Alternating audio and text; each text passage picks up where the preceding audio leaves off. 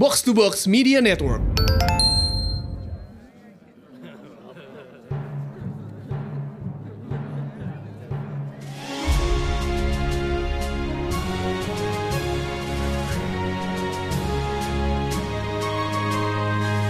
Perhatian, perhatian. Dongeng Paman Geri akan segera dimulai. Semua anak dipersilahkan untuk berkumpul.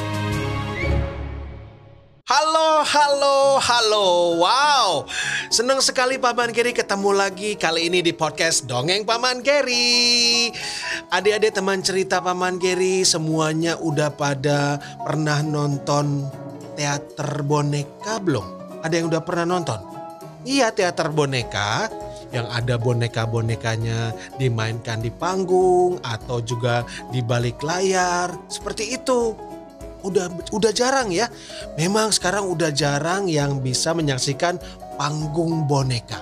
Eh, tapi masih ada yang memang dia juga berusaha untuk melestarikan panggung boneka ini. Salah satunya Nah kali ini Pak Mangkir akan menceritakan di negeri dongeng itu namanya ada Nona Bambola. Siapa Nona Bambola? Apa ceritanya dengan panggung boneka? Yuk kita dengerin sama-sama ya. Pada suatu masa di negeri dongeng, tersebutlah sebuah kota yang terletak di bawah bukit berbatu. Kota itu tidak terlalu besar, tapi penduduknya cukup banyak. Kota itu adalah pusat perdagangan di negeri dongeng bagian barat laut. Jadi, kota itu selalu ramai dikunjungi para saudagar dan juga pedagang dari mana saja. Adik-adik teman cerita tahu kan, barat laut itu di sebelah mana? Tahu? Iya, barat laut letaknya di antara arah barat dan utara. Itu namanya barat laut. Nah, saking banyaknya orang yang lalu lalang di kota itu, para warga kota tidak menyadari bahwa ada anak-anak yang hilang. Atau mungkin karena yang hilang adalah anak-anak jalanan yang tinggal dan bekerja di pasar sebagai buruh kasar, jadi tidak ada yang terlalu memperhatikan. Tapi ini benar-benar terjadi, dan tidak ada yang menyadarinya sampai suatu hari ketika seorang saudagar dari negeri seberang selesai berbelanja.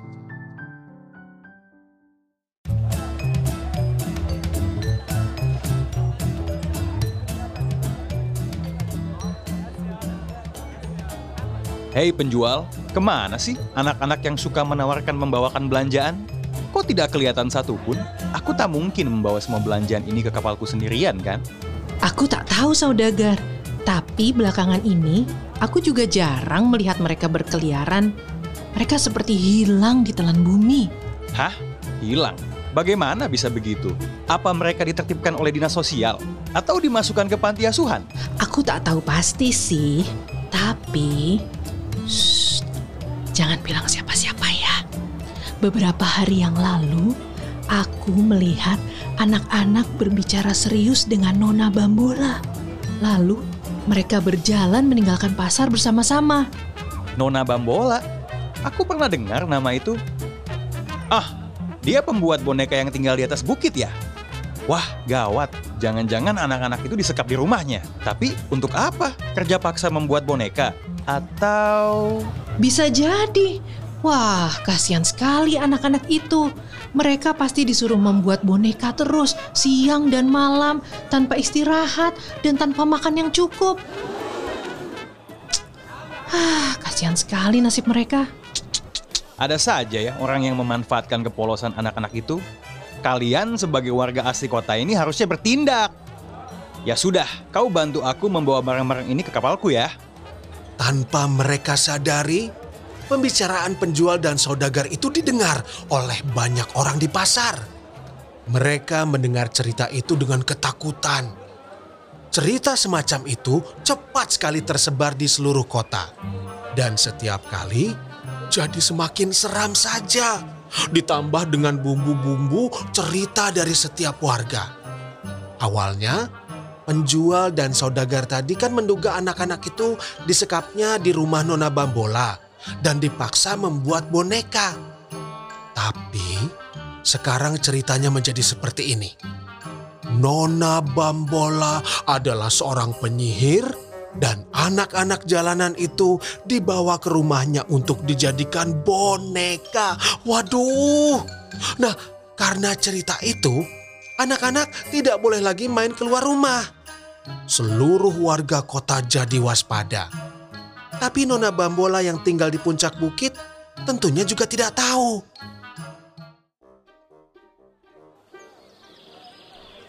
Pada suatu pagi, Nona Bambola pergi ke pasar seperti biasa. Tapi orang-orang melihatnya dengan takut. Bahkan beberapa kios langsung tutup ketika melihat Nona Bambola mendekat. Tentu saja hal ini membuat Nona Bambola jadi bingung. Tapi ia tidak mau terlalu memikirkannya karena tujuan Nona Bambola hari itu adalah ke toko perlengkapan jahit langganannya. Tapi pemilik toko perlengkapan menjahit itu melayani Nona Bambola dengan terburu-buru dan juga ketakutan. Selamat pagi, Pak. Saya mau beli benang warna-warni, beberapa jarum jahit, jarum pentul, dan kancing yang besar ya. Biasa untuk membuat boneka-boneka lagi. Eh, iya Nona. Sebentar saya ambilkan ya. Benang, jarum, kancing. Nah, ini. Sudah kan? Tidak ada lagi kan? Hmm, sebenarnya aku mau melihat koleksi kain katunmu, Pak. Sepertinya ada beberapa gulungan baru ya? Ah, tidak kok. Masih koleksi yang lama juga, yang itu-itu juga. Sudah semua kan Nona? Eh, sudah, sudah semua. Tapi kenapa kau begitu terburu-buru, seperti mau tutup toko? Ini kan masih pagi. Iya betul. Aku ada mm, urusan penting. Aku mau tutup toko. Silakan bawa belanja Nona. Bayarnya kapan-kapan aja. Selamat pagi. Nona Bambola heran bukan kepalang. Biasanya penjaga toko itu ramah dan senang kalau dia berbelanja ke tokonya. Tapi sekarang kok seperti ingin buru-buru mengusirnya dari toko, aneh sekali. Ah, mungkin memang si penjaga toko itu sedang ada urusan lain, pikir Nona Bambola. Ia lalu berjalan melintasi pasar yang sepi sambil terheran-heran. Tapi ia lebih heran lagi ketika melewati balai kota. Di situ banyak sekali warga kota berkumpul. Selamat pagi semua. Ada acara apa ini? Atau ada pengumuman penting dari Pak Wali Kota ya? Tapi tak ada satupun warga yang menjawab pertanyaannya. Sambil mengernyitkan dahinya, Nona Bambola melanjutkan perjalanan menuju rumahnya di atas bukit. Tapi anehnya, ketika ia menengok ke belakang, ia melihat para warga kota mengikutinya dengan diam-diam. Nona Bambola jadi semakin heran, tapi ia biarkan saja mereka mengikutinya. Setelah ia masuk, mengunci pintu, dan menutup semua tirai, warga kota pun mengelilingi rumahnya untuk mencari jalan masuk lain.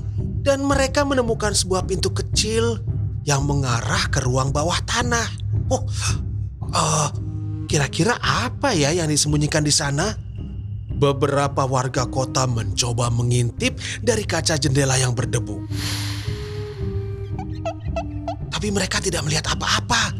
Hanya ada deretan boneka-boneka di situ. Lihat deretan boneka-boneka itu. Ini pasti tempat dia menyembunyikan anak-anak itu untuk diubahnya menjadi boneka. Benar. Kita harus mendobrak pintu ini. Siap-siap. Dalam hitungan ketiga ya. Satu, dua, tiga.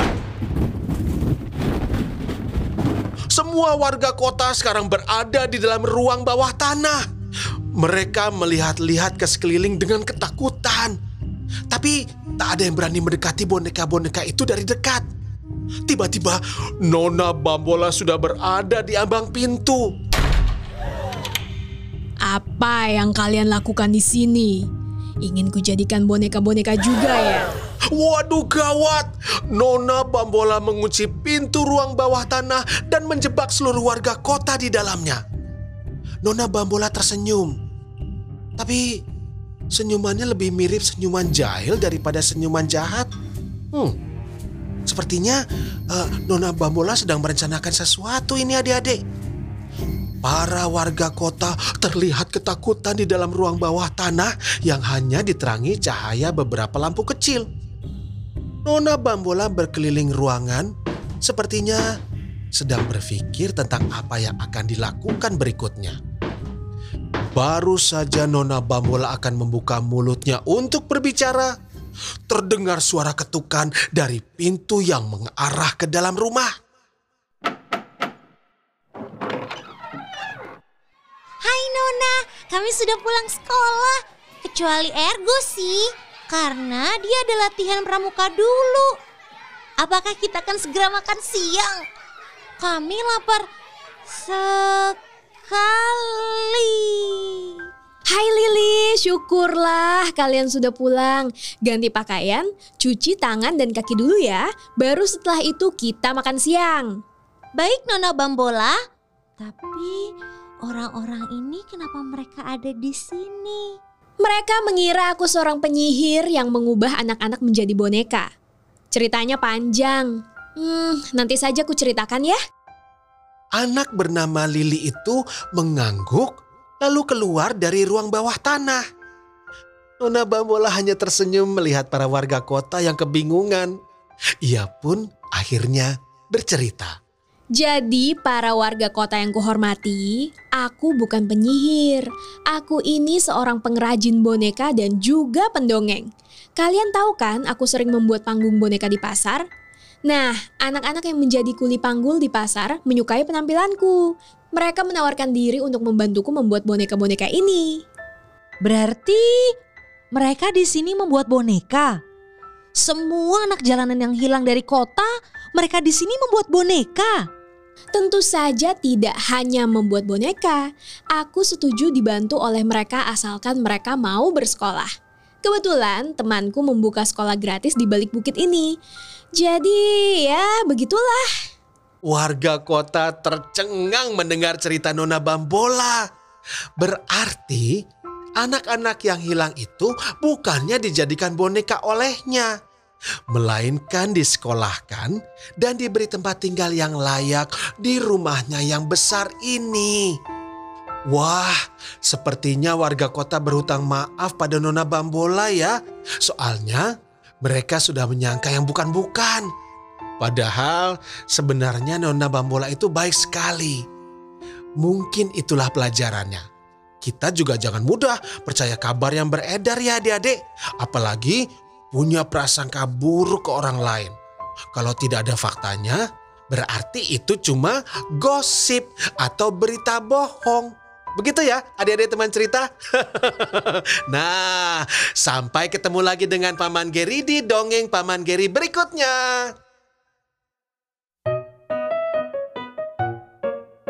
Yeay, dongengnya udah selesai. Jumpa lagi di dongeng Paman Geri berikutnya.